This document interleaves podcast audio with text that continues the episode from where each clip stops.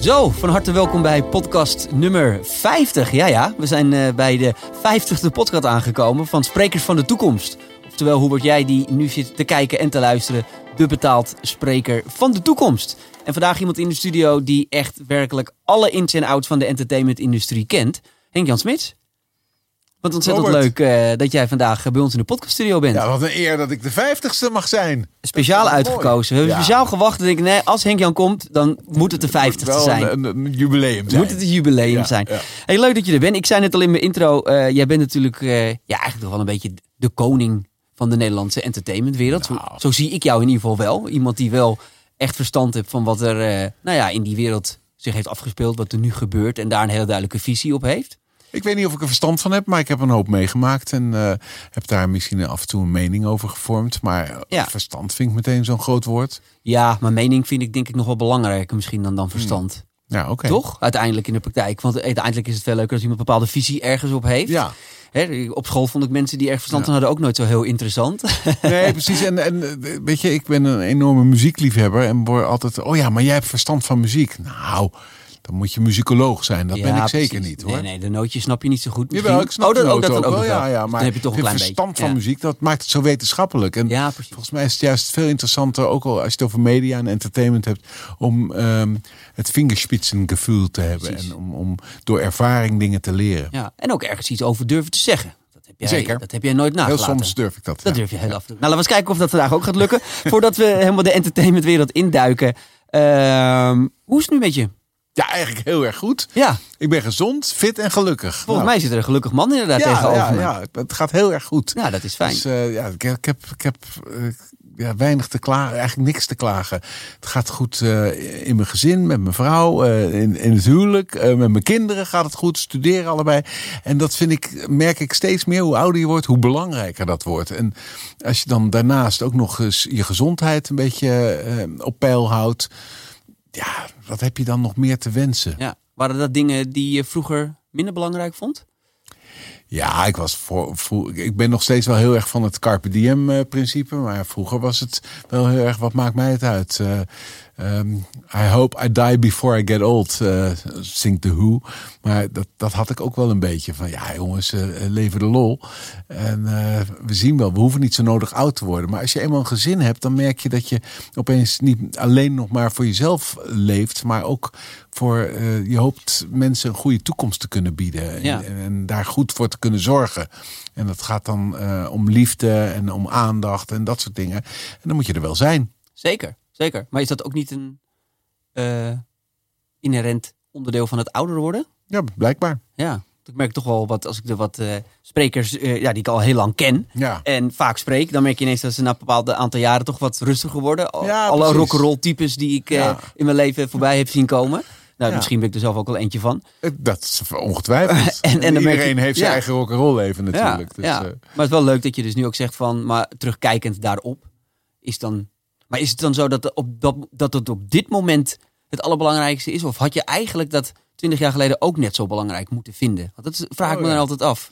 Nou, twintig jaar geleden al wel. Want ik, ik weet nog dat mijn eh, oudste 30. dochter geboren werd. 24 jaar geleden. En eh, toen zei mijn vader, maak niet de fout die ik heb gemaakt. eh, in het ziekenhuis. En toen zei ik, welke fout heb jij gemaakt? Ik was me van geen, geen kwaad van de man bewust. Nee. Toen zei hij, ik heb jullie niet zien opgroeien. En daar heb ik nu spijt van. Dus eh, wees er voor haar. Ja. En toen dacht ik, wauw, dat is mij als, als zoon, zoontje van hem nooit opgevallen. Maar toen ik daarover ging nadenken, dacht ik, oh ja, die man was altijd aan het werken. Oh ja. Ondernemer, gewoon tot elf uur s'avonds, dat wij al lang in bed lagen. Eh, we zagen hem wel bij het eten, maar voor de rest was hij wel altijd aan het werk. Ja. En dacht ik, oh ja, ik, eh, werk is leuk. Dus, eh, het is heerlijk om leuk werk te hebben. Maar zorg dan dat je tussendoor wel tijden hebt dat je er ook voor je kinderen bent. En eh, dat heb ik me te harte genomen. Ja. En eh, eigenlijk doe ik dat dus al 24 jaar. En dan ben je er gewoon meer ben ik dan er- alleen bij het eten. Ja, dat denk ik wel, ja. Ja. Want hoe ziet jouw werkweek er tegenwoordig uit? Wat, wat, wat- waar, ben jij, waar vul jij je agenda mee? Op dit moment eh, heb ik een dagelijks radioprogramma op NPO Radio 5 voor Omroep Max. Van 6 tot 8 s avonds. Dat is een hele fijne tijd. Dat doe ik nu zeven jaar. En eh, dat was in het begin even wennen, want ik ga ook graag naar theater. En dat is eigenlijk onmogelijk. Ja. Dat begint om kwart over acht. Precies, dat wordt Nou lastig. Ja. En als je ook nog moet uur. eten met je gezin, dan Precies. wordt dat heel lastig. Ja. Ja, nou ja, dat, e- dat eten dat deed ik eigenlijk vaak voor de show. En eh, tegenwoordig doe ik het weer daarna, omdat mijn kinderen uit huis zijn. Dat mijn vrouw zei, ja, en nu- Waarom zitten we zo vroeg te eten? Zit, zit ik alleen te eten. Toen zei ik, nou, dan gaan we om half negen eten, want dat Ja. doen we op vakantie ook. Dus, eh, maar ehm, nee, daarnaast eh, train ik een paar mensen, coach ik een paar mensen die, die vragen hebben. Ik heb een paar mensen opgeleid tot, tot spreker. En een paar mensen coach ik eh, in de muziek ook. En eh, eh, daarnaast geef ik lezingen. Ja. En, en heel soms een dagvoorzitterschap. Maar eigenlijk ligt mijn focus ligt nu heel erg op de lezingen. En het voorbereiden op dat radioprogramma natuurlijk. Ja. Want dat is wel, dat merkte ik wel zeven jaar geleden toen ik in één keer dat radioprogramma kreeg. Dat, ehm, daar denk je helemaal niet over na. Mijn, de meeste boekingen was ik steeds als afsluiter van een event. Dus vlak voor de borrel. En dat kon ik opeens niet meer doen. Want Nee, ja, dan moet ik in Hilversum zijn. Ja, ja. Weet je, ik moet er wel om eh, half vijf eh, uiterlijk zijn om de voorbereiding om zes uur beginnen live. Maar ja, je moet ook wel even met je team erover praten. Wat gaan we doen? Ja. Dus ehm, toen dacht ik, ja, dan, dan is het eigenlijk interessanter om eh, misschien eh, de opener van het event Ja, de- dat de- de- van, opwarmer ja, in plaats van even de- wennen. Ja. En eh, nou, dat radioprogramma stopt per 1 januari 2023. En dan is eigenlijk de bedoeling dat ik me weer fulltime ga bezighouden met het begeleiden van mensen en lezingen geven. Dus dat is eigenlijk de, de, de shift die ik nu weer ga Ja. maken. Nou ja, je, zegt, je zei al, ik, ik, ik begeleid ook sprekers. Eh, ik heb er een aantal eh, opgeleid tot eh, succesvol spreker. Nou, Nou ja, succesvol. Ik bedoel, ik heb in elk geval een paar dingen, een paar mensen die heel erg angst hadden om op een podium te staan, geleerd om te gaan met die Ja. angst en hoe ze dat tot positieve energie kunnen maken. Ja. Maar als je nu, want het is een thema wat veel in deze podcast voorbij komt. De vraag wordt vaak gesteld. Iedereen heeft een andere visie. Ik ben heel benieuwd naar jouw visie. Als het gaat om een spreker, als het gaat om een artiest. Wat maakt nou een goed artiest of een goed spreker? Iemand die eh, een goed spreker, laten we daar eh, ons even op focussen, is iemand met een ehm, goed verhaal dat hij op een duidelijke manier weet over te brengen. En dan ehm, wel zo dat ik hem geloof. Dus er moet een, een, het moet eigen waarde hebben. Eigen, Ja. Het moet authentiek zijn. Het moet, het moet die persoon zijn. Die man of vrouw. eh, en niet eh, die man of vrouw die een spreker nadoet. Ja. Want dan, eh, je kan alle trucjes leren. Maar het moet nog steeds uit jezelf komen. Want Ja. anders verlies je alle luisteraars. Ja, is, is, is een woord dat veel voorbij komt. Authentiek inderdaad. Ja. Mensen zeggen toch altijd, ja, je moet... Maar het blijkt dan toch in de praktijk heel lastig of zo te zijn voor artiesten, voor sprekers. Om zichzelf dan te durven zijn op een podium. Ja, het zijn mensen ook die denken dat het dodelijk vermoeiend is om 24 uur per dag jezelf te zijn. Ja, misschien is dat ook wel zo. Ja, dat geloof ik niet. Het lijkt mij veel vermoeiender om steeds iemand anders te zijn. ja. En te onthouden wie je was bij die persoon. Ja. Want je moet wel weer dezelfde persoon dan spelen. Maar waarom komt het dat, het, dat wij mensen zo geneigd zijn en wij artiesten Oh, dat, zo geneigd dat zijn? wordt natuurlijk steeds erger. Dat komt doordat wij eh, eerst zijn opgegroeid met theater, daarna tv en nu nog erger met social media, waarin we allemaal ideaalbeelden van mensen zien. En die willen we eigenlijk, eh, daar willen we niet aan onderdoen. Wij willen graag laten zien dat wij ook zo'n ideaal beeld hebben, Ja. waardoor je je dus gaat anders voordoen dan je eigenlijk bent. En je ver- verliest dan Ehm, je, je bent dan meer bezig met je beeldvorming, met je imago, dan met je identiteit. En ik heb geleerd dat zodra identiteit en imago te ver van elkaar komen te liggen, is je X-factor weg. En het gaat om die X-factor. Ja, dat is nou eenmaal, dat hangt natuurlijk een beetje aan mijn kont. Zeker, Eh, maar ja. eh, dat is met artiesten zo, maar met sprekers ook. Als een spreker te veel ehm, een, een maniertje doet, eh, probeert heel erg extravert te zijn, terwijl zijn karakter heel introvert is, dan geloof ik hem niet. Ik heb dat ook bij talentenjachten gezien. Ik, ik zag dat ooit eh, bij America's Got Talent was het, denk ik. Ehm, Bianca Ryan deed mee, heel klein meisje, 11 jaar. En toen zei een van die juryleden: eh, Change your hair, change your dress, change your shoes, change everything you are, and you're gonna win this tournament. En dacht ik. What the fuck zegt deze man tegen een meisje van 11? Ja. Eigenlijk, je kan heel goed zingen, maar voor de rest ben je niks waard. Je ziet er niet uit. Dat zeg je niet tegen een meisje van 11. Sterker nog, dat zeg je ook niet tegen iemand van 24 die eh, auditie doet. Je kan wel advies geven over kleding, maar je zegt niet dat iemand alles moet veranderen wie die is. Nee. Gevolg was, zij won. En zij is nooit zo'n grote ster geworden. En dat komt niet door haar stem. Maar dat komt omdat ze een soort diva van veertiende van hebben gemaakt. Ja, ja. En het is helemaal niet leuk om naar te kijken. Je wil juist een meisje zien die de sterren van de hemel zingt. Dat Ja. is leuk om naar te kijken. Dat kleine meisje wat eigenlijk nog heel jong is. Nog helemaal geen liefdesproblemen heeft gehad. En wel gewoon ongelooflijk geloofwaardig kan zingen. Maak daar dan niet zo'n diva van. Dat was echt helemaal fout. En dat is een, een lering die ik heb getrokken. Dat is eh, in het bedrijfsleven zo. Dat is voor sprekers zo. Dat is voor artiesten zo. Ja, wat koppelen mensen naar het bedrijfsleven? Want hoe, hoe zou je eh, die authenticiteit zeg maar, op de werkvloer moeten toepassen? Heb je het dan over eh, eh, directeur die, die zijn team Ja, bijvoorbeeld. ja, manager ja, die ja, zijn ja. team aanspreekt? Ja. Nou goed, jij hebt natuurlijk jarenlang de Business X-Factor ook gegeven. Hè, voor bedrijven ook, Ja. hoe je je X-Factor moet ontdekken. Ehm, kijk, voor artiesten en, en sprekers snap ik hem. Hoe vertaal je dat dan naar het bedrijfsleven? Precies hetzelfde. Wees eh, transparant. Wees, eh, als, jij, als jij een bepaald doel hebt met je bedrijf, ga ik vanuit dat er een doel is. Dat het niet alleen maar. Ja, ja, of het is er niet, dan heb je een ander probleem. Dan heb je sowieso een heel ander probleem. Maar denk dan eens na over: oké, je maakt een dienst of een product. Ehm, wat is het doel van die dienst of dat product? Laten we daar eerst over na. En communiceer dat heel duidelijk op de werkvloer. Dat iedereen weet. Dat hij zijn steentje bijdraagt, niet zozeer aan het maken van die dienst of dat product, maar aan het doel dat het bedrijf heeft. Dus dat uiteindelijk, wat doe je? Misschien eh, doe je iedere keer een, een schroefje aan de lopende band dichtdraaien, maar wordt dat uiteindelijk een radio? En zorgt die radio voor ehm, enorm veel entertainment, voor, voor eh, educatie en entertainment? Dan ben jij dus iemand die werkt mee aan educatie en entertainment. Ja. In plaats van, ja, nee, ik zet alleen maar schroefjes vast. Als je dat op een duidelijke manier aan jouw werknemers kan duidelijk maken, ja, dan, dan lopen ze harder voor je en dan, dan, dan gaat alles beter. En dus niet de rol van, oké, ik heb het idee. Ik weet nog wel vroeger toen ik begon met ondernemerschap bijvoorbeeld, dat ik mezelf heel erg eh, een bepaald soort rol aannam. Van, oh ja, want als ondernemer moet je, Moet je zo zijn. zijn, Dan moet je ja. een pak aan, dan moet je stropdas, dan Ja. moet je zo gedragen. Dan moet ik zo'n tasje bij me Ja. hebben. En dan, Nee. Want die rol...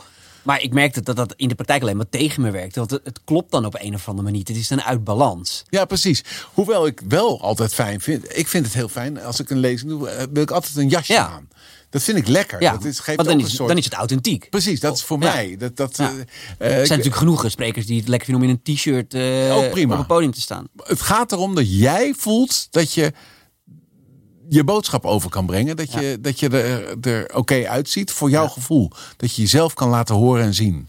Daar zou je dan om. kunnen zeggen dat als je er nu kijkt naar alle, even naar alle populaire, bekende Nederlanders nu bijvoorbeeld, dat die dan allemaal authentiek zijn? Nee, zeker niet. Dus je kan ook nog op een andere manier dan authentiek succesvol worden. Ja, dat is juist zo interessant. Ik denk, en het blijkt ook vaak zo te zijn, dat eh, mensen die dichter bij zichzelf blijven, een langere carrière hebben. Dat het langer duurt. Maar wat is authenticiteit? Want authenticiteit is ook een waarde die men jou geeft. Ik weet nog heel goed dat toen ik van eh, de diverse talentenjachten waar ik in de jury zat, werd ik bij SBS in, nou maakt niet uit, eh, 2007 kwam ik eh, eh, bij SBS te werken als presentator. Ging samen met Toos Ragas het beste idee van Nederland presenteren. En dat ging, nou ja, in het begin moest ik wel dat echt nog even leren, moest ik even wennen, maar Ja. dat ging, Het presenteren bedoel je? ja, presenteren ja. voor tv, want dat Want is weer daarvoor zat je anders. altijd in, in, in een jury, zeg Precies, maar. Ja. maar en en dat presenteren op het podium, dat ging me prima af. Dat, dat doe ik vanaf begin 2003. Dus dat deed ik al vier jaar. Dus ik dacht, maar pff, natuurlijk kan ik ook wel voor tv presenteren. Maar dat is een totaal ander métier. Dat is echt, dan moet je veel kleiner zijn. Moet je, eh, dat is, nou goed, dat is een ander verhaal. Maar de grap is dat de kijker zei, zo, die is zichzelf kwijt over mij. Oh ja. En toen dacht ik, huh? Volgens mij ben ik, hoezeer ik ook aan het worstelen en aan het leren ben, ben ik juist heel erg mezelf. Ja. Als presentator.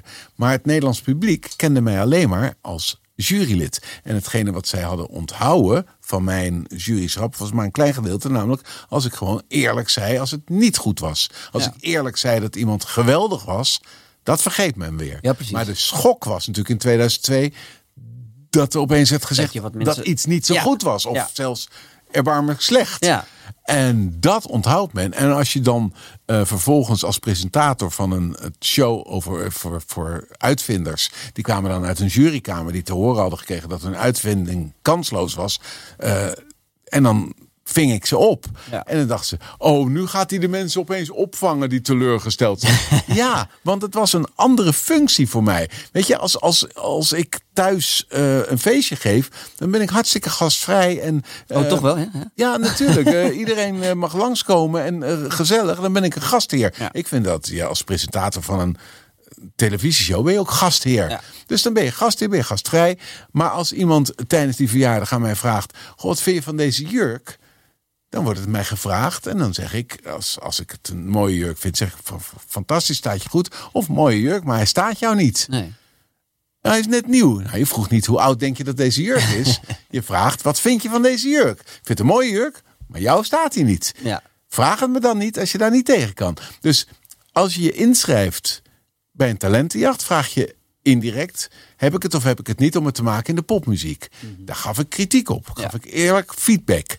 Maar als ik word ingehuurd als presentator van een tv-programma, ben ik gastheer, ben ik een totaal andere Henk Jan. Ja. Maar nog steeds, is wel dezelfde. dezelfde Henk Ja. Jan die op dezelfde manier denkt en die net zo authentiek is. Dus je gedrag kan anders zijn omdat je je aanpast aan je functie. Ja. Maar je bent nog steeds authentiek. Dus het is niet aan de kijker, dan wel de, je klanten, om te bepalen of je authentiek bent. Je moet zelf weten dat je dicht bij jezelf blijft. Ja, maar ben je, ooit wel eens in de valkuil getrapt? Of is dat misschien ooit een keer gebeurd dat je op een gegeven moment merkte... oh, nu ben ik mezelf niet meer? Vooral in die periode dat je toen op tv veel kwam. Nee, ik heb er je krijgt op een gegeven moment een kritiek op bepaald soort stempel natuurlijk. Heb je natuurlijk altijd gekregen als de strenge Ja, dus eh, jurylid. zeker, zeker in die tijd. Dan werd ik vaak eh, ge- gevraagd door een bedrijf om te komen spreken. En dan dacht ik dat ik een heel erg motiverend verhaal had gehouden. En dat zag ik ook aan, aan het publiek. Dacht ik, oh ja, allemaal, eh, dat zie je in ogen. Hè, dan, dan gebeurt er Ja. iets. Ik denk, nou, ik heb in elk geval mensen gemotiveerd. Misschien zelfs geactiveerd. En dan zei zo'n opdrachtgever, ja, ging niet zo lekker hè. En ik, volgens mij wel. Wat, wat, Dan wil ik altijd weten, wat ging er niet lekker? Want ja, het, het is toch je klant en die wil je, je wil graag naar huis rijden. Met het gevoel van, ik heb weer een klant tevreden. Ja. Los van al die toehoorders, moet de klant ook tevreden zijn. Ja, je was zo, je was zo mild. Op alle vragen had je, Oh, ja. had je, had je begrip voor. En eh, je, eh, ik had meer verwacht dat je, Oh, ja. eh, dat je een beetje er tegenin... Die, die, die mensen van mij die mogen wel eens een keer een klap krijgen. Niet zozeer fysiek als wel mentaal. maar- ja. Maar- dus dat had ik een beetje gehoopt. Dat je ze een beetje af zou maken en tot hun veters zou affikken. Ik zeg, maar dat is toch helemaal niet waarom ik hier ben. Nee, precies. Dat, is- dat is heel... Dat, ja, maar zo ben jij. Ik zeg, nee, zo ben ik helemaal niet. Ik, ik ga niet mensen affikken om het affikken. Dat, dus dat, daar heb ik wel een tijdje last van gehad. Ja, dat, dat ik. ik dacht van, waarom willen mensen dat van mij? Dat, zo ben ik helemaal niet. Totdat het mij gevraagd wordt. Van, wat Geef eens een eerlijk je oordeel, ja. Geef een oordeel. Ik sta op en ik heb een vraag. Maar je mag ook meteen zeggen hoe ik de vraag stel en hoe ik overkom. Nou, dan zeg ik dat. Ja. Snap je? Dat is, Ja, is zeker. een thin line. Ja. En, maar het is voor mij nog steeds... Je kan alleen maar s'avonds jezelf aankijken in de spiegel. Ben je die dag... Heb je je anders voorgedaan dan je bent? Nee, nou dan is het goed. Ga niet proberen. Het is ook... eh, want ik heb net eh, America's Got Talent als voorbeeld gegeven. In mijn eigen programma, nou niet mijn eigen programma, een programma waar ik zelf in de jury zat, X Factor, hadden we een jongen die heette Richie. Die zat in mijn groepje. En Marianne van Wijnkop, God heb haar ziel, die zei toen: Ja, ik wil volgende week. ik vind je hartstikke goede zanger, maar volgende week mag je wel eens even. Eh, wat, wat, wat, wat, wat extraverter worden. Je mag wel eens wat, wat meer van jezelf laten zien. Maar die jongen was niet extravert. Dan moet je niet extraverter worden. Want dan ga je dus een artiest spelen die je niet bent. Dus het is zo raar dat zelfs professionele begeleiders van artiesten en juryleden eh, adviezen geven om eh, aan artiesten of aan wannabe zichzelf artiesten niet te zijn. om zichzelf niet te zijn. Ja. En dan kan je nog steeds, om je vraag eh, nog even te beantwoorden, kan je absoluut bekend worden voor zover dat een streven is, maar Ja. kun je ook eh, ja, werk vinden. Maar de vraag is of jouw carrière dan heel erg lang gaat Ja. duren. Vroeg of laat denk ik dat het fout gaat. Uitzonderingen bevestigen daar wel de regel in. Ja, dat is natuurlijk altijd zo. Ja. Want als je dan verder gaat kijken naar, eh, als je dan, nou ja, het authentieke verhaal, maar wat zijn nog meer elementen die dan belangrijk zijn om als ja, kunstenaar, zou ik maar even zeggen, artiest, spreker, eh, succesvol te worden? Wat zijn nog meer elementen? Moet, je- moet je jezelf ook echt als merk gaan zien? Hè? Zijn Ja. de artiesten echt merken? Als ik dat goed had gedaan, dan was ik dus gewoon eh, een karikatuur van mezelf geworden. En was ik gewoon de botte negatieveling eh, gaan spelen. Ja. En dan was ik inderdaad het merk Henk-Jan Smits. En dan was dat geassocieerd met botte negatieve commentaren. Ja. Eh, terwijl ik En had je daar nog jarenlang in door kunnen. Ja, prima. Terwijl ik vind het juist leuk om steeds meer van mezelf te laten zien en laten horen. Wat ik dan nu via de, via de radio doe.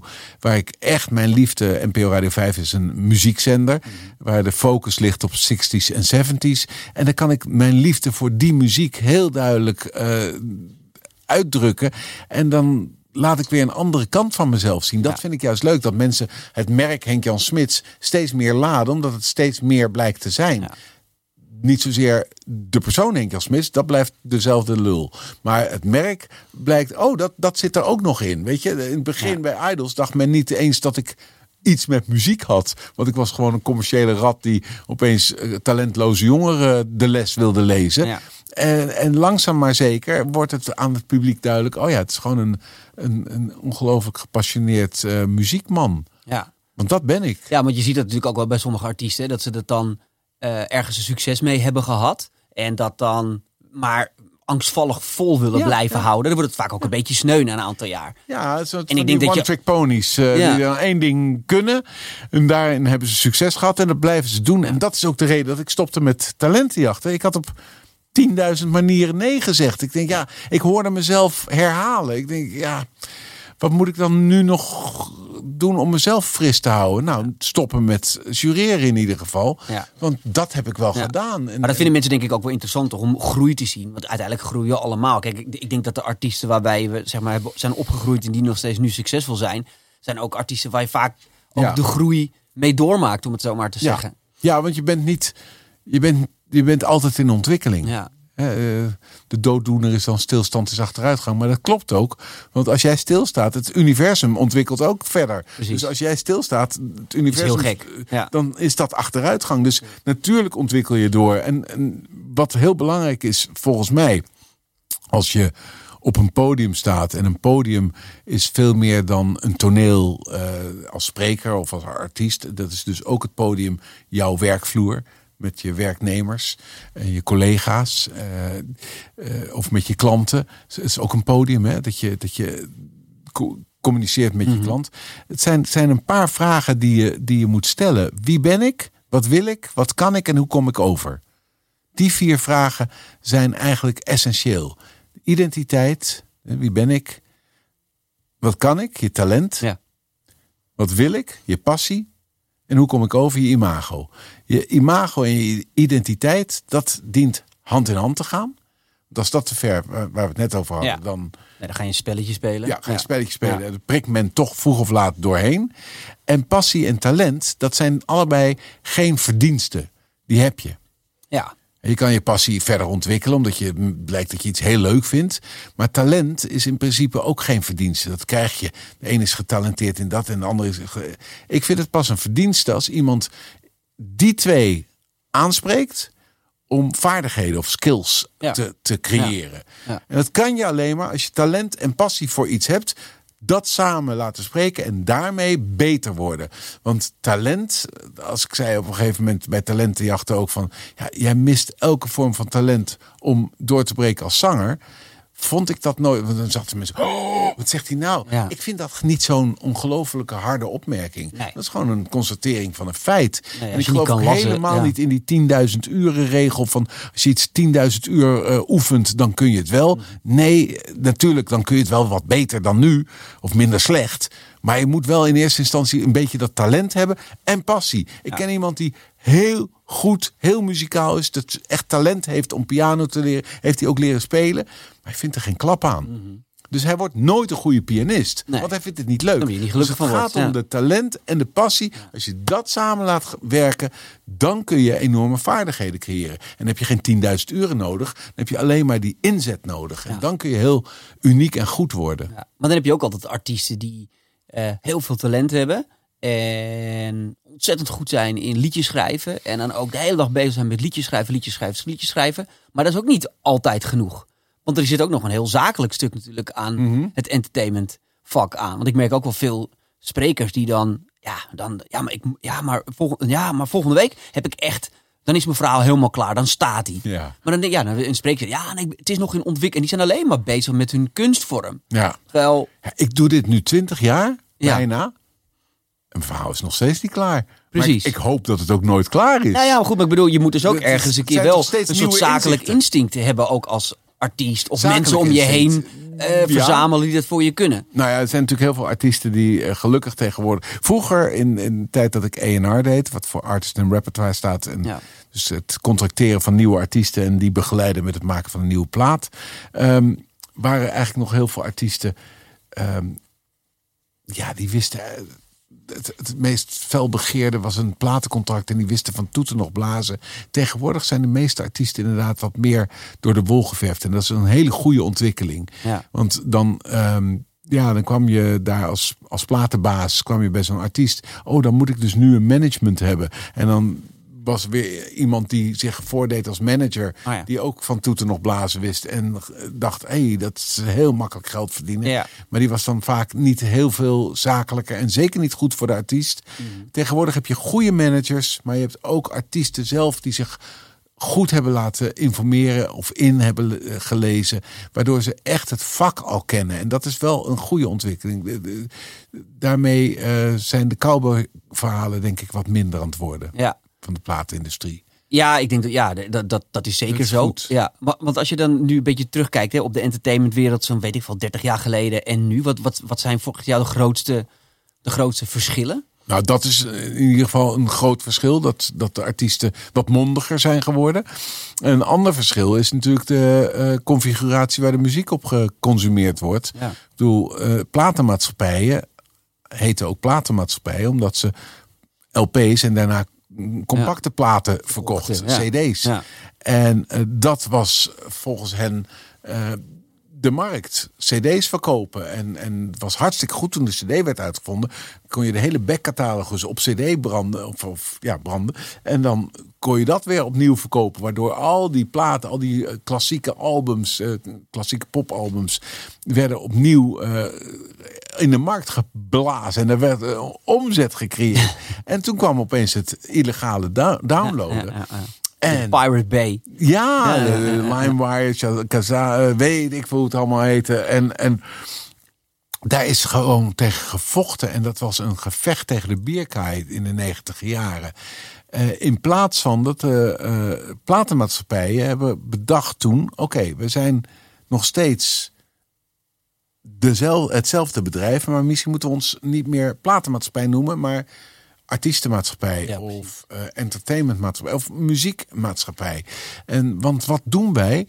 Ehm, wij bezorgen mensen een leuke tijd door de muziek te distribueren die anderen maken. Ja. Dat is wat een platenmaatschappij doet. Er zijn muzikanten en wij distribueren dat aan consumenten die daarvan genieten. Ja. We geven die mensen dus even een zorgeloze tijd of een leuke tijd of een tijd dat ze kunnen dansen. Daar zorgen wij voor. Ja. Dat is wat we doen. Dan maakt het niet meer uit wat de configuratie is. Of dat nou via een, een glasvezelkabel of of- ja, een streamingdienst of een...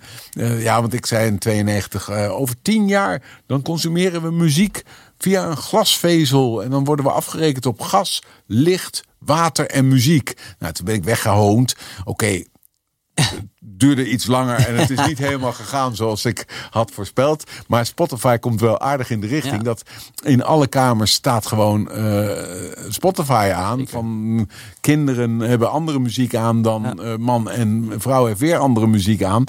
En dat kan allemaal op één account. En dat eh, wordt gewoon keurig afgerekend maandelijks. En Spotify zorgt verder voor de eh, distributie van het geld.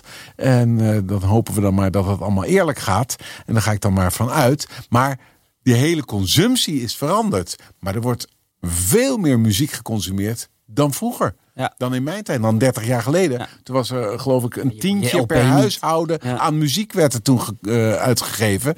En nu heeft bijna ieder huishouden een Spotify-account van 15 euro. Maar je kan het ook overal mee naartoe nemen natuurlijk. Vroeger kon je natuurlijk niet Exact. met je LP eh, op de bus eh een muziekje luisteren. En Ja. vroeger was de eh, miljardair, die had hele wanden vol met Oh ja. Mhm, cd's. want die kon het allemaal betalen. En de arme sloeber had niet één cd, want die kon het helemaal niet kopen. En nu kan iedereen, want Spotify heb je ook nog steeds, als je de reclames neemt, volgens mij kun je dat nog steeds Gratis, voor gratis mezelf, ja. krijgen. Dus iedereen heeft toegang tot dezelfde hoeveelheid muziek. Dat vind ik zo'n mooie ontwikkeling. Ja. En daar had, eh, had, had de muziekindustrie veel eerder op in kunnen springen. En dan had het veel eh, eh, eerder een, een, een volwassen... in- Kijk, inmiddels is het een hele volwassen industrie weer Ja, geworden. ja. Maar er is een hele Ja, maar de verdiensten lange zijn natuurlijk wel anders via die streamingplatformen voor Maar die artiesten. zijn gigantisch. Ja, als je, als je groot artiest bent, zeker. Ja. Nee, maar ik heb het even over de, over de muziekindustrie. De, de muziekindustrie zelf verdient enorm veel op dit moment aan, eh, aan, aan de streamingsdiensten. En dat is, vind ik, heel grappig om te zien dat er zoveel geld wordt verdiend aan iets waar zo lang tegen gevochten is. En dat probeer ik ook in mijn eh, lezing aan het bedrijfsleven. Want ik merk nu, want dit is een verhaal uit de jaren negentig natuurlijk, dat nu eh, in de jaren twintig bijna alle branches dit ondervinden. Van oh, oh, digitalisering. Oh, hoe, hoe kunnen we ons het hoofd bieden? Dit is zo vreselijk wat er gebeurt. Je ziet het de taxibranche toen Airbnb kwam, de hotelbranche toen, eh, eh, of eh, taxibranche toen Uber kwam, Uber hotelbranche ja. toen Airbnb kwam. en Airbnb, je, ja. Het is aan alle kanten is het Ja, mensen vinden verandering natuurlijk gewoon eng. En, Heel maar jij eng. zegt ook dus als die muziekindustrie eigenlijk wat eerder de ideeën omarmd hadden. En had eerder had veel- nagedacht, niet, niet eens de idee omarmd, maar eerder had nagedacht, wat is de core business die we doen? Wat is, wat is eh, hè, zoals Simon zegt, de why? Wat is de, de, de waarom vraag? Waarom zijn wij hier? Ja. We Wat, hebben hier een wat- plaatje te verkopen. Ja, wat, wat mist de klant als wij er niet meer zijn? Nou, dan mist hij de muziek, niet de cd's. Dat maakt niet uit. Wij, wij distribueren muziek en geven daarmee onze klanten een goed gevoel. En kunnen we dat ook zonder die cd's? Ja, dat kan. Want er zijn technieken opeens... waardoor wij dus die muziek nog steeds kunnen distribueren. Ja, ja. ja en dat, dat zie je natuurlijk in heel veel branches nu. Misschien Ja. zijn de boeren wel eh, waar we tien jaar over, over tien of over twintig jaar praten over van. Ja, misschien hadden ze op dit moment ook wel gewoon de veranderingen moeten omarmen om te innoveren met de boerderij van de toekomst. Ja, nou... Ik, ik begeef me nu in deze podcast niet op het terrein om eh, iets over de boeren te zeggen. Maar ik heb daar ook wel wat meningen over. Ik heb alle En- respect wel voor de boeren over. En ik vind het een fantastisch werk doen. Maar je merkt inderdaad dat er, dat er een hoop vakgebieden zijn die gewoon vastgeroest zijn. Ja. En het heel moeilijk vinden om buiten de kaders te kijken. Ja. Terwijl er volgens mij in alle vakgebieden inderdaad ontwikkeling is. Nou ja, als je zelfs naar het sprekersvak boeren, kijkt. de grote boeren die nu de, de, de, de, de meeste kritiek te verduren hebben, zijn juist de boeren die juist de afgelopen jaren heel innovatief Zeker. bezig zijn geweest. En heel al heel veel in die gegroeid. markt, hoor, ja. Juist omdat ze zo gegroeid zijn, Ja. produceren zij het meeste stikstof. Maar wat, wat wel grappig is over eh, de boer, het boerenprotest. ehm, ik geloof heel erg in, in, in ankers. Hè? De, eh, bepaalde ankers waar je jezelf. Hè, als je, als je eh, een stuk muziek hoort, dan voel je daar emotie bij. Die past bij de emotie die je had toen je dat de eerste keer hoorde. Of toen je het een keer hoorde dat het jou iets ergs is overkomen. Of iets moois of iets vrolijks. Maar dat heb ik ook met vlaggen. En eh, als je een vlag ziet, dan is er altijd iets. Ja, dan denk je even aan. aan eh, of bevrijdingsdag. Of, eh, Ja, ja, ja. het heeft iets, iets, iets met feest. Nu we al die omgekeerde vlaggen zien, is voor mij, dat wordt de nieuwe vlag. Want die zien we zo vaak hangen. En ik kwam laatst ergens en daar hing de vlag gewoon rood, wit, blauw. En het leek net alsof die verkeerd Verkeerd om hing. hing. Ja, ja, ja, Ik, ik dacht van, hé, hey, dat, is, dat is heel raar hoe zoiets werkt. Dat eh, de vlag blauw, wit, rood is nu een cliché geworden. Die verliest zijn waarde. Ja. Dat is heel raar hoe dat werkt. Ik vond dat mooi om te merken. Ja, omdat we, dat- we, we ons allemaal heel erg eh, natuurlijk nauw betrokken voelen tot die hele discussie. Ja, En- maar dat, dat eerst het omgekeerde, straks die hangen omgekeerde van die vlag, vlag, ja. was voor mij echt van, nou dat kun je niet maken. Want voor mij is dat een soort eh, vaderlandslievend uh, gevoel en, en bevrijdings... Nou, wat ik zei, Koningsdag of uh, weet ik veel. Uh, vlag hoort bij, bij vrolijkheid. Ja. En dan, ja, om dat dan om te draaien. Maar nu, ik zie die vlaggen allemaal, ook bij ons in de buurt, allemaal vrolijk wapperen, blauw, wit, rood. En ja, Je voelt dat heel, gaat- heel thuis. Ja, het is ja, toch ook wel weer mooi. En, dan, en een rood-wit-blauw past bijna niet meer. Nee. Dat is heel raar hoe, hoe, hoe iets een cliché wordt en dan zijn kracht verliest. Maar ja, dat is precies hetzelfde als je ziet. Eigenlijk als het over innovaties gaat, merk je dat altijd. Ik, ik weet nog het bekende filmpje wat er heel veel sprekers in een lezing gebruiken over dat ze in 1999 mensen op straat gaan interviewen over de mobiele telefoon. Oh, die Frans Bromet eh, film. ja, en dat iedereen dan zegt, oh nee, moet ik niet aan denken. En eh, stuur maar een brief als je me nodig hebt. En, twintig jaar later zitten we met z'n allen op een mobiele telefoon. En, en ik weet nog wel dat, dat net het eh, eh, contactloos betalen werd geïntroduceerd met je telefoon. Dat je nou dat ga ik echt niet doen. Dat is toch veel te gevaarlijk. Nou ja, nu Als je het drie keer gedaan hebt, denk je, oh, is toch eigenlijk best wel handig. Ja. Dus je went heel snel aan iets eh, als mens. Hey, heel even terug op de, op de entertainment-industrie. Ja. Want eh, jij hebt natuurlijk jarenlang ook bij alle talentenjachten rondgelopen. Er, er is natuurlijk een hele hoop te doen tegenwoordig rondom Ja, talentenjachten. Denk je dat het voor een talent zinvol is om mee te doen aan zo'n talentenjacht op de tv? Oh, dat dacht ik toen al en dat denk ik nog steeds. Dat het zinvol is? Ja. Ja, de, de- alleen, daar zeg ik wel bij, en dat zei ik toen ook al.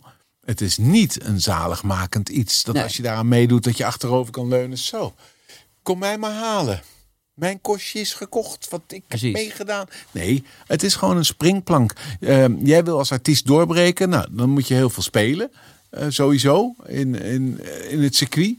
En een van die podia kan dus een talentenjacht zijn.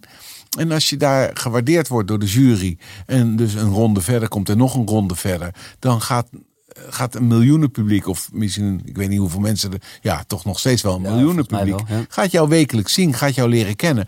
En ja, dat is makkelijker dan dat je in de kroeg op de hoek eh, staat te spelen. Dan zijn er zoveel mensen die jou leren kennen. Maar het betekent nog steeds dat je dezelfde arbeid moet verrichten om door te gaan, om door te breken. Ja, want je merkt dat Dus- vaak in de praktijk is lastig omdat, omdat ze ineens op zo'n hoog niveau binnen een wereld komen die ze nog helemaal niet kennen. En de verwachtingen worden dan Ja. heel hoog van zichzelf al. Ja. Van ja, nu kan ik dus eigenlijk niet meer in die kroeg om de hoek. En dat zeggen volgens mij sommige producenten, weet ik niet zeker, maar ik geloof dat er producenten zijn die zeggen: ja, dan mag je nu ook even niet meer spelen. Eh, gewoon in het zalencircuit, in het kroegencircuit. Ah, ja. En denk ik, dat moet je gewoon blijven Ja. doen. Want dit is gewoon ook een gig voor je. En daarmee ga je je publiek gigantisch vergroten. Maar hoe je daarmee omgaat, dat is aan jou. Jij bent de artiest. Jij moet, en tegenwoordig kun je heel makkelijk je fans bereiken via social media. Zoals je dat op een slimme manier doet. Ja, gebruik vooral zo'n talentenjacht om je publiek te vergroten. En bind dat publiek aan je. En eh, nou ja, van die miljoen blijven er misschien eh, honderd of duizend of honderdduizend over. Die eh, echt met jou willen communiceren. Nou, als het honderdduizend zijn, dan krijg je het heel druk. Maar het begint altijd met een Ja. paar. En doe daar gewoon, wees, wees open Ja. en eerlijk daartegen. En vertel over hoe je het hebt ervaren. Ik denk dat dat een gigant, nog steeds een gigantische springplank kan zijn. Ja. Maar vergeet dan niet dat je ook wel gewoon alle andere stappen die je als artiest moet maken, Precies. ook moet blijven Het- maken. Het, komt erbij. Ja, maar de, heel veel zien het natuurlijk van, als, als het. Hè? Want ik doe daarmee en dan is het klaar. gouden ei. Maar Ja. ja, ja nee, dat, eh, dat Maar daarom zie, nou zag je het ook zo vaak. Ik bedoel, ik heb nog best wel veel artiesten ook in, in, in die jaren allemaal ontmoet die dan eh, eh, nog hoog geëindigd waren ook. En dan vervolgens kwamen ze bij een management en een boekingskantoor die helemaal niet eh, eh, wilden dat zij een lange carrière hadden, maar dat ze gewoon eh, e- e- even een Boem, jaartje boem. konden snabbelen, even Heel geld pakken. verdienen. Ja, en dan zaten die mensen uiteindelijk zonder geld, want ze kregen dan een habbekrat van, dat, van die paar duizend euro kregen ze dan Ja. als soort vergoeding. En dan, en dan vervolgens ja, zag je ze steeds verder weg kwijnen. En daarom ben ik zo blij dat artiesten tegenwoordig een stuk mondiger zijn en meer weten over de industrie. En weten, oké, daar eh, daar loopt een geldstroom, daar loopt een geldstroom. Hé, hey, maar dat moet wel allemaal een gedeelte van naar mij toe komen. Het liefst een groot gedeelte, want ik ben degene die de kun, het kunstje doet. Ja. Maar maak dan ook een plan, hè? Dus Ja. als je als zo'n talentenjacht gaat meedoen, is het denk ik heel erg Ja. goed om dat onderdeel te laten zijn van, van een groter plan. En niet een doel. Precies, precies. Ja, vind ik een goede tip. Ja. Toch? Ja, dat Nou ja, je ziet, ik wel. zie het zoveel fout gaan. En ik Ja. heb echt wel ook wel veel, dat zou jij ook wel bij de X-Factor gezien hebben, waren echt wel heel veel talentvolle artiesten die ook door zo'n programma eh, dan de moed hebben opgegeven. Van nou ja, weet je, als, als, als, als dit niet mijn doorbraak Ja, maar- was, dan zal het wel nooit meer komen. Maar dat is precies, eh, eh, los van zie je het als een, een schakel in je grote plan. En niet als doel. Maar bereid je ook voor, wat ga ik doen als? Eh, ik, ik geloof heel erg in de kracht van eh, G plus R is U. Dat is iets wat ik al mijn toehoorders altijd meegeven aan het eind. Gebeurtenis plus reactie geeft een uitkomst. Ja. Een gebeurtenis kun je niet naar de hand zetten. Een gebeurtenis, dat gebeurt je. Dat is gewoon iets dat een situatie eh, dat gebeurt je. Hoe je daarop reageert, dat, dat is een van de weinige dingen die niemand je kan afnemen. Hoe jij reageert op welke gebeurtenis dan ook. En dat geeft een uitkomst en daar moet jij mee verder leven. Precies. En als jij wordt afgewezen, terwijl jij weet, ik heb een goede auditie gedaan en je wordt afgewezen, moet je van tevoren bedenken, hoe ga ik daarop reageren? Kijk, hoe het van binnen voelt, dat weet je pas op het moment dat die afwijzing komt. Maar je kan dan wel, je weet wel dat het op tv komt, dus je kan wel van tevoren een beetje bedenken van, oké, de kans is daar dat mijn optreden niet overkomt en dan word ik dus afgewezen. Hoe reageer ik dan? Dan moet je zo reageren dat je nog steeds dicht bij jezelf blijft. Dat de kijker die jou wel goed vond, ook sympathie voor je heeft en ook met jou meevoelt. En dan kan het dus voor jou werken. Nou, en zo is het eigenlijk die, die, dat gebeurtenis plus reactie is uitkomst, werkt bij alles. En het kan zijn eh, eh, dat je in een file terechtkomt, dat je een afspraak hebt eh, en, daardoor te laat komt. Nou, hoe reageer je daarop? Nou, ik probeer altijd, dat weet je, al, ik ben altijd klokken op tijd. Maar ja, het kan een keer gebeuren. Ja, hoe reageer je dan? Ehm, ik probeer dan vooral de file te gebruiken om tot rust te komen. Juist relaxed toe. Dus ik ga altijd op tijd van huis weg. Ik bel even. Tegenwoordig kunnen we natuurlijk heel makkelijk bellen. En je maakt eh, afspraken zo dat het niet te vol in je agenda zit. Vroeger kon ik dat niet. Nee. Zat mijn agenda helemaal tak, tak, tak, tak, tak. Maar als er dan een file was, dan had ik meteen stress. Ja. En toen dacht ik, ja, maar wat doe ik mezelf eigenlijk aan? Dus de uitkomst gaat altijd om hoe je er zelf mee omgaat. Hoe je er zelf mee omgaat. Hoe je, Maar hoe is je dat, is, zelf... dat, is dat, want jij zegt ook, eh, dat, eh, mijn agenda was vroeger heel tak, tak, tak, tak.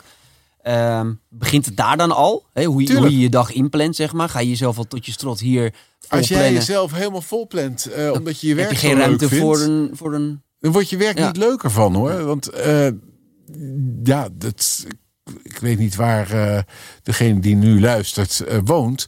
Maar waar ik woon is het heel druk geworden. En is er op alle tijdstippen van de dag, zelfs 's nachts, kun je in een file terechtkomen. Dus je, dit wordt wel steeds moeilijker om ehm, eh, te, te kijken op, op eh, Google Maps en dan te zien, oh, het is 26 minuten rijden. Oké, dan reken ik een eh, half uurtje en dan ben ik op tijd. Nee, reken dan even drie kwartier. Want het kan een keer een stoplicht, het kan een keer een, een, een boerenprotest zijn, weet ik veel. Dus ja, hou daar rekening mee, want dan, dan word je, ik in ieder geval, veel relaxter. Maar ik reageer op mijn manier en iemand anders reageert op zijn manier. Het cliché is dan, je kan de windrichting niet veranderen, wel de stand van je zeilen. Maar dat is wel een beetje waar, waar G plus R is U Ja. voor staat. Gebeurtenis plus reactie geeft een uitkomst. En jij moet leven met die uitkomst. Als je, als je nou eens terugkijkt hè, op, eh, op het fenomeen bekend zijn, hè? Ehm, eh, is, dat, is dat iets... eh, want jij hebt natuurlijk... Jij, jij hebt op, op een gegeven moment was jij enorm populair in Nederland. Je was heel erg bekend. Populair wil ik niet zeggen, Nou maar heel bekend. nou ja, je was, ja, ik denk dat je ook wel heel erg populair was. Je, weet, je, je, hebt altijd, eh, je hebt altijd mensen die je leuk vinden, mensen die je niet Ja. leuk vinden. Dat, dat heeft volgens mij elke artiest of elke Het was wel meteen persoon. van de een op de andere dag eh, 50% vond me heel leuk en 50% vond me enorm leuk. Ja, er zat weinig grijs gebied volgens mij. ja, hè? dat was ja. echt ongelooflijk. Ja. Maar hoe heb, je dat, hoe heb je dat ervaren? En hoe was dat toen je merkte dat dat weer wat ging afzwakken? Nou, dat, ehm, ja, dat, dat, dat heb ik me niet zo bewust eh, ervaren. Eh, ik, ik ben gewoon doorgehobbeld eh, in mijn leven. Maar vond je het leuk om bekend te zijn? ja, ik ik, zo zeggen? ja ik, ik, ik, ik heb er nooit op voor laten staan of zo. Eh, en ik, ik, ik vond het werk wat ik deed leuk. En dat daarbij kwam dat ik herkend zou worden. Dat namen we voor lief. Dat was een beetje. Want ik heb eerst. ehm, eerst wilde ik helemaal niet meedoen aan Idols. En toen hebben ze me banden gestuurd. VHS-banden. Zo lang is het geleden. eh, van de Engelse pop-idol. Ja. Toen hebben mijn vrouw en ik hebben... Dat was binge-watchen avant la lettre. Mhm. Hebben al die afleveringen achter elkaar zitten kijken. En ik kende Simon Cowell uh, al. Uh, dat was een collega van mij. Ja. Uh, dus bij ENR, internationale ENR-conventies kwamen we elkaar tegen. En Simon Cowell had tegen RTL gezegd... Think about Henk-Jan Smits. Je moet hem nemen. En dus ik zat naar mijn oud collega, of naar mijn collega te kijken. Ja. En ik denk, jezus, ja, wat gebeurt er dan, joh? En mijn vrouw zei toen, ja, als iemand het kan, ben jij dat in, in Hilversum. Dus, uh, maar ik weet niet of ik dat zo leuk vind, hoor. Als, de, als ik bij de bakker ook aangesproken word over, over jouw Ja, wanstaltelige, wanstaltelige gedrag. Nou, dat gebeurde wel later, denk ik. Dat gebeurde wel. Maar het gekke is dat ehm, natuurlijk heb je de ene helft die het, die het vreselijk vond. En vond het uh, afschuwelijk dat je zo met kinderen omging. En oh, wat een vreselijke vader moet dat zijn en zo. Maar er kwamen ook mensen. Ik weet nog dat het eerste jaar kwam er in uh, Albert Heijn kwam een vrouw met een rollator. Trillend zo. Die pakte mijn hand. Oh meneer, ik vind het zo fijn dat ik u zie. Ik wil even zeggen, ik vind het zo goed dat u die jongeren nou eens een keer zegt waar het op staat. Daar kunnen ze alleen maar van leren. In plaats van al die mensen die ze met zijden handschoentjes aanpakken. Dank u wel. En ze Oh, liep ja. Weer verder. Dacht ik, zij is helemaal de doelgroep niet. Nee. En je zou zeggen dat zij het echt, dat zij, er schande van spreekt. Maar zij vond het hartstikke goed. En zo kregen we echt ook, ook allemaal eh, hele enthousiaste. Dus het enthousiasme en het negatieve, dat ging door elkaar heen. En eh, ja, oké, het leven op straat veranderde iets omdat je 1-0 achter staat. Zij weten wel wie jij bent en jij weet niet wie zij zijn. Ja, maar vlak niet uit, ik was de 40 al gepasseerd toen dit eh, begon. En ik was gewend om met artiesten om te gaan. Dus ik was ook wel gewend dat mensen. Hoe het, het, het enige verschil is. Toen keek, eh, keek de groegemeente naar degene die naast mij liep. En nu was ik degene die werd bekeken Ja. als ik ergens liep. Ja. En dat verschil is niet zo heel erg groot. Nee, precies. Omdat je gewoon uit, er- uit die er wereld meer- kwam. Ja, mijn vrouw ja. merkte het meer. Die zei echt van, het is echt niet normaal. Ik had het helemaal niet door. Ik zei, wat, wat is niet normaal? Hoe er naar jou gekeken wordt. Dat is echt niet normaal. De, het eerste weekend dat we door Amsterdam liepen... toen net Idols was uitgezonden met 1,8 miljoen kijkers. En ik zei, nou, dat valt toch wel mee. En net op het moment dat ik zeg... Dat valt toch wel mee. Komt er een van de gozer met Maulo's t-shirt Ja. in november eh, naar me toe. Goed gesureerd! heel lang haar. Echt ook weer totaal geen doelgroep. Ik denk, wow, echt iedereen heeft gekeken. Iedereen heeft het gezien, en toen, ja. heb ik ook, toen dacht ik, oké, dit is precies waarom ik het niet wilde. Toen heb ik de knop omgezet. En toen dacht, dacht ik, en nu ga ik ervan genieten. Ja. Het duurt zes maanden. Laat het nog drie maanden daarna duren. Met negen maanden is het over. Maar die negen maanden, het zit gewoon niet in me om dan te... Oh, ik blijf thuis. Ik ga er gewoon van, van genieten. Ik, Ja. ik, ik vind het leuk. Weet Ja. je, laat ik het maar leuk vinden. En toen werd ik gebeld, twee maanden later... of ik Albert Verlinde wilde vervangen bij RTL Boulevard. En dacht ik, ja, nou, dat kan er Ja, ook nog wel bij. ik toch eh. bezig ben. Ja, nu ik toch bezig ben. En dat ging hartstikke goed en leuk met Bo samen. En een beetje kroegpraat eh, over... Ik mocht praten over waar ik eh, over wilde praten. Ja, lekker over idols praten vinden mensen leuk. En ik hoefde niet over musicals te praten. En ik kon gewoon over films die ik net had gezien en die ik te gek vond. En ik mocht over van alles praten. Ik vond het hartstikke leuk. En eigenlijk door Boulevard, toen in één keer werd ik gevraagd ook... eh, door bedrijven om dagvoorzitter te worden. Want toen dacht- ze: hey, Hey. die gozer kan meer dan alleen maar kritiek geven. Die kan gewoon praten. Ja. En hoe heb je op, eh, uiteindelijk die stap gemaakt naar lezingen en echt, echt het businessverhaal? Nou, dat kwam eigenlijk hierdoor. Ik eh, was dus dagvoorzitter, moest sprekers aankondigen. En dat is dus bijna twintig jaar geleden. Toen waren er nog niet zoveel sprekers. En in ieder geval, waar ik stond, niet zoveel goede sprekers. En ik, nou, kondigde ik sprekers aan en dacht ik, maar wat een, ik kom je hiermee weg met zo'n slecht verhaal. Dacht ik, ja, maar eh, als ik even me kwaad maak, dan kan ik een veel beter Ja. verhaal over wat mij drijft, wat ik zoek bij artiesten, namelijk die je Ja. ne sais quoi, de X-factor. Dat het eigenlijk voor mensen in het bedrijfsleven ook geldt. En mensen op de werkvloer ook geldt. En dat, dat, dat het iets te maken heeft met communicatie en met gedrag. En met trouw zijn aan jezelf. En, en denk, maar dat en het lef om van gebaande paden af te wijken en te verrassen en zo. Ik denk, daar ga ik een verhaal over schrijven. En dat heb ik gedaan. En zo kwam ik de eerste keer met lezingen. En toen was ik echt wel heel slecht ook. Want toen heb ik gewoon mijn verhaal Op een- papiertje. ja, Ja. neergelegd. Voorgelezen. Ja. En dat vonden mensen prachtig. Ik Ah, weet ja. nog precies waar het was. Maar dat was twintig jaar geleden, zeg je? Ja. In 2003. Vig- Vigi Hotel, dus bijna 20 jaar geleden. Zeist. In Zeist, ja. Ah, ja. En het was leuk, want daar hadden wij ons... Maar jij zei, alle sprekers waren op dat moment al niet heel sterk. Dus Nee, dus dat ik- ma- maakt ook niet heel ook niet heel erg op. Want mijn verhaal was beter dan het gemiddelde Ja. verhaal. Maar eh, het begin was leuk, omdat eh, wij hebben onze eerste persconferentie gehad met Idols. Dat was dus mijn eerste persconferentie überhaupt. In het Vigi Hotel in Zeist. Oh, ja. Dus ik denk, hé, hey, nu ga ik weer weer. iets nieuws doen. En sta ik weer in het Vigi Hotel. Ja. Hartstikke leuk. Uiteindelijk komt alles weer terug in het Vigi Hotel volgens ja, mij. maar het was niet zo Ja. best Nee. wat ik deed. En dat heb ik ont- doorontwikkeld en dat is eh, vrij snel eh, eh, beter geworden. En, en ik denk dat ik eh, juist door het doen heel veel geleerd heb. Gewoon denken van, oké, ik ga daar staan. Ja. En goed, eh, als dagvoorzitter, goed kijken naar andere sprekers. Wat kan ik leren van mensen die ik heel goed vond? En wat kan ik leren van mensen die ik echt niet goed vond? En wat is het verschil tussen die twee? Wat Ja. doet deze wat mij misschien irriteert? En wat doet deze dan weer juist niet? Of juist wel? Ja. Wat vind jij een hele goede spreker bijvoorbeeld? Eh, Jos Burgers Ja, vind ik een hele goede spreker. vanwege de comedy, vanwege Ja, ja. De, humor die ja. erin brengt, timing. eh, en ik vind eh eh eh, Tichelaar echt een, een geweldige spreker. Ben, ja. Ja, hoe Ben Tichelaar... Ben, ben en ik hebben wel een paar dingen samen gedaan. En toen zei hij, vond ik wel mooi. Hij zei, het lijkt me zo fijn om jou te zijn. Niet zozeer om bekend te zijn, want dat, dat lijkt me vreselijk. Maar ehm,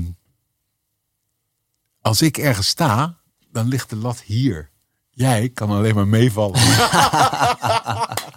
Dat was een compliment en een belediging in één. Ja, nee, nee, ik zag het alleen maar als compliment. Ik Ja. denk, ja, want dat is wel waar. Ik krijg nu nog Ja. steeds na lezingen te horen. "Goh, dat, dat ze mee van had ik helemaal niet achter jou gezocht. Je hebt nog inhoud ook. Dat is, echt, dat, is, dat is pas een belediging. Ja. Weet je? Maar het is wel een compliment ook. Ja. Want ja, je kan alleen maar meevallen. Mensen, het, ik weet dat eh, bij het horen van mijn naam denkt 50% nou, het zal nu misschien wat minder zijn, maar een groot gedeelte denkt nog steeds, oh ja, dat is die, Die van eh, ja, nog steeds, hè? En dan, ja, dan kun je inderdaad alleen maar meevallen. Dus ja, dat, ik vond dat, vond dat heel mooi dat Ben Dus dat als jij zelfs als jij een slechte dag hebt, dan eh, scoor je nog een acht. Nou, nee, nee, ik heb één keer een echt, echt een.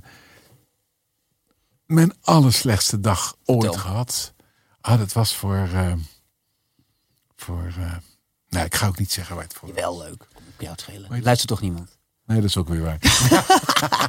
Wat doe ik hier? Nee, maakt ook helemaal niks uit. Ik, eh, ik, ik moest daar heel kort iets, iets doen. Iets spreken. En ehm,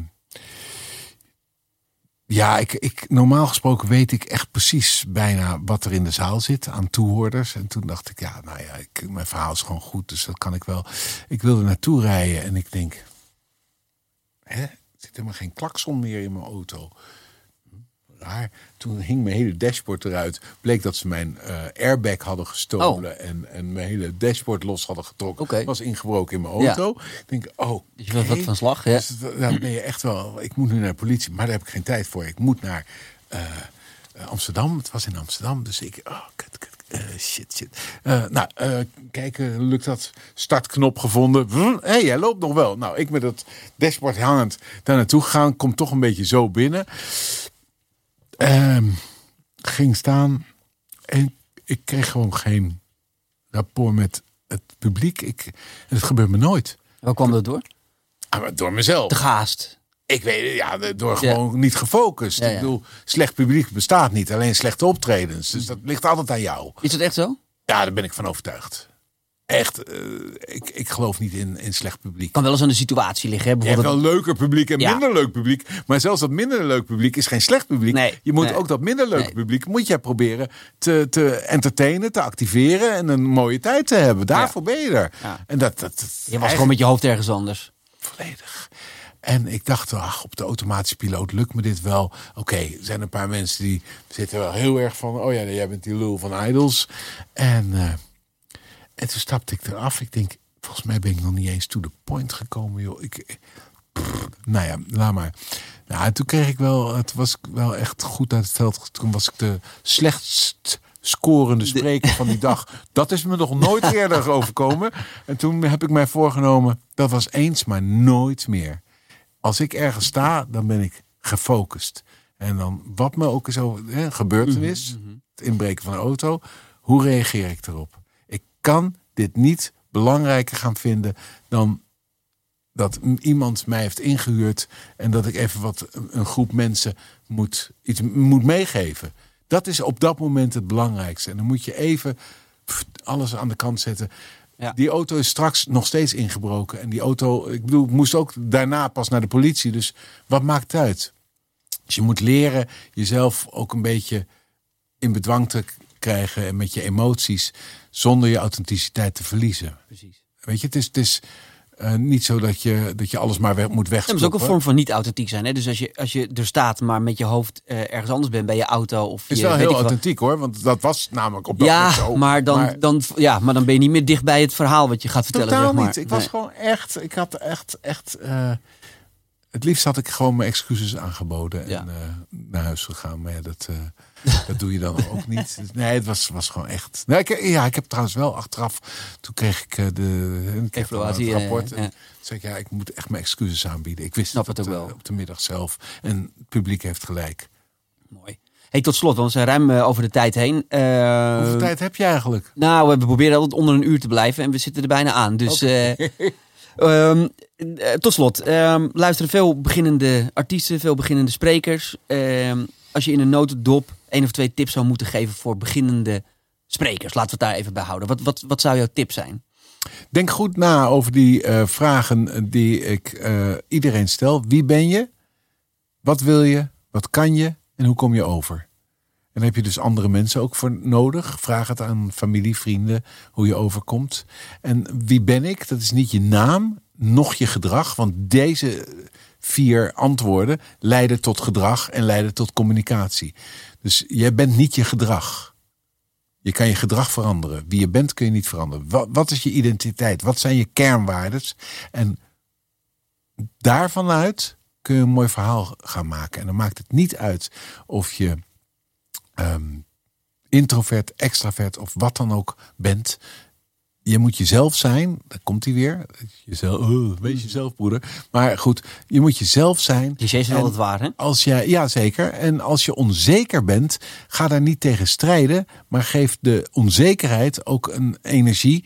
En laat dat ook voelen aan de zaal. Zonder dat de zaal plaatsvervangend onzeker gaat worden. En denkt, hoe komen we hier doorheen? maar je kan best laten weten, zeker in het begin. Het is onzin als je voor de eerste keer op het podium staat. Om te doen alsof je een hele zekere spreker bent. Dat ben je niet. Natuurlijk krijg je even...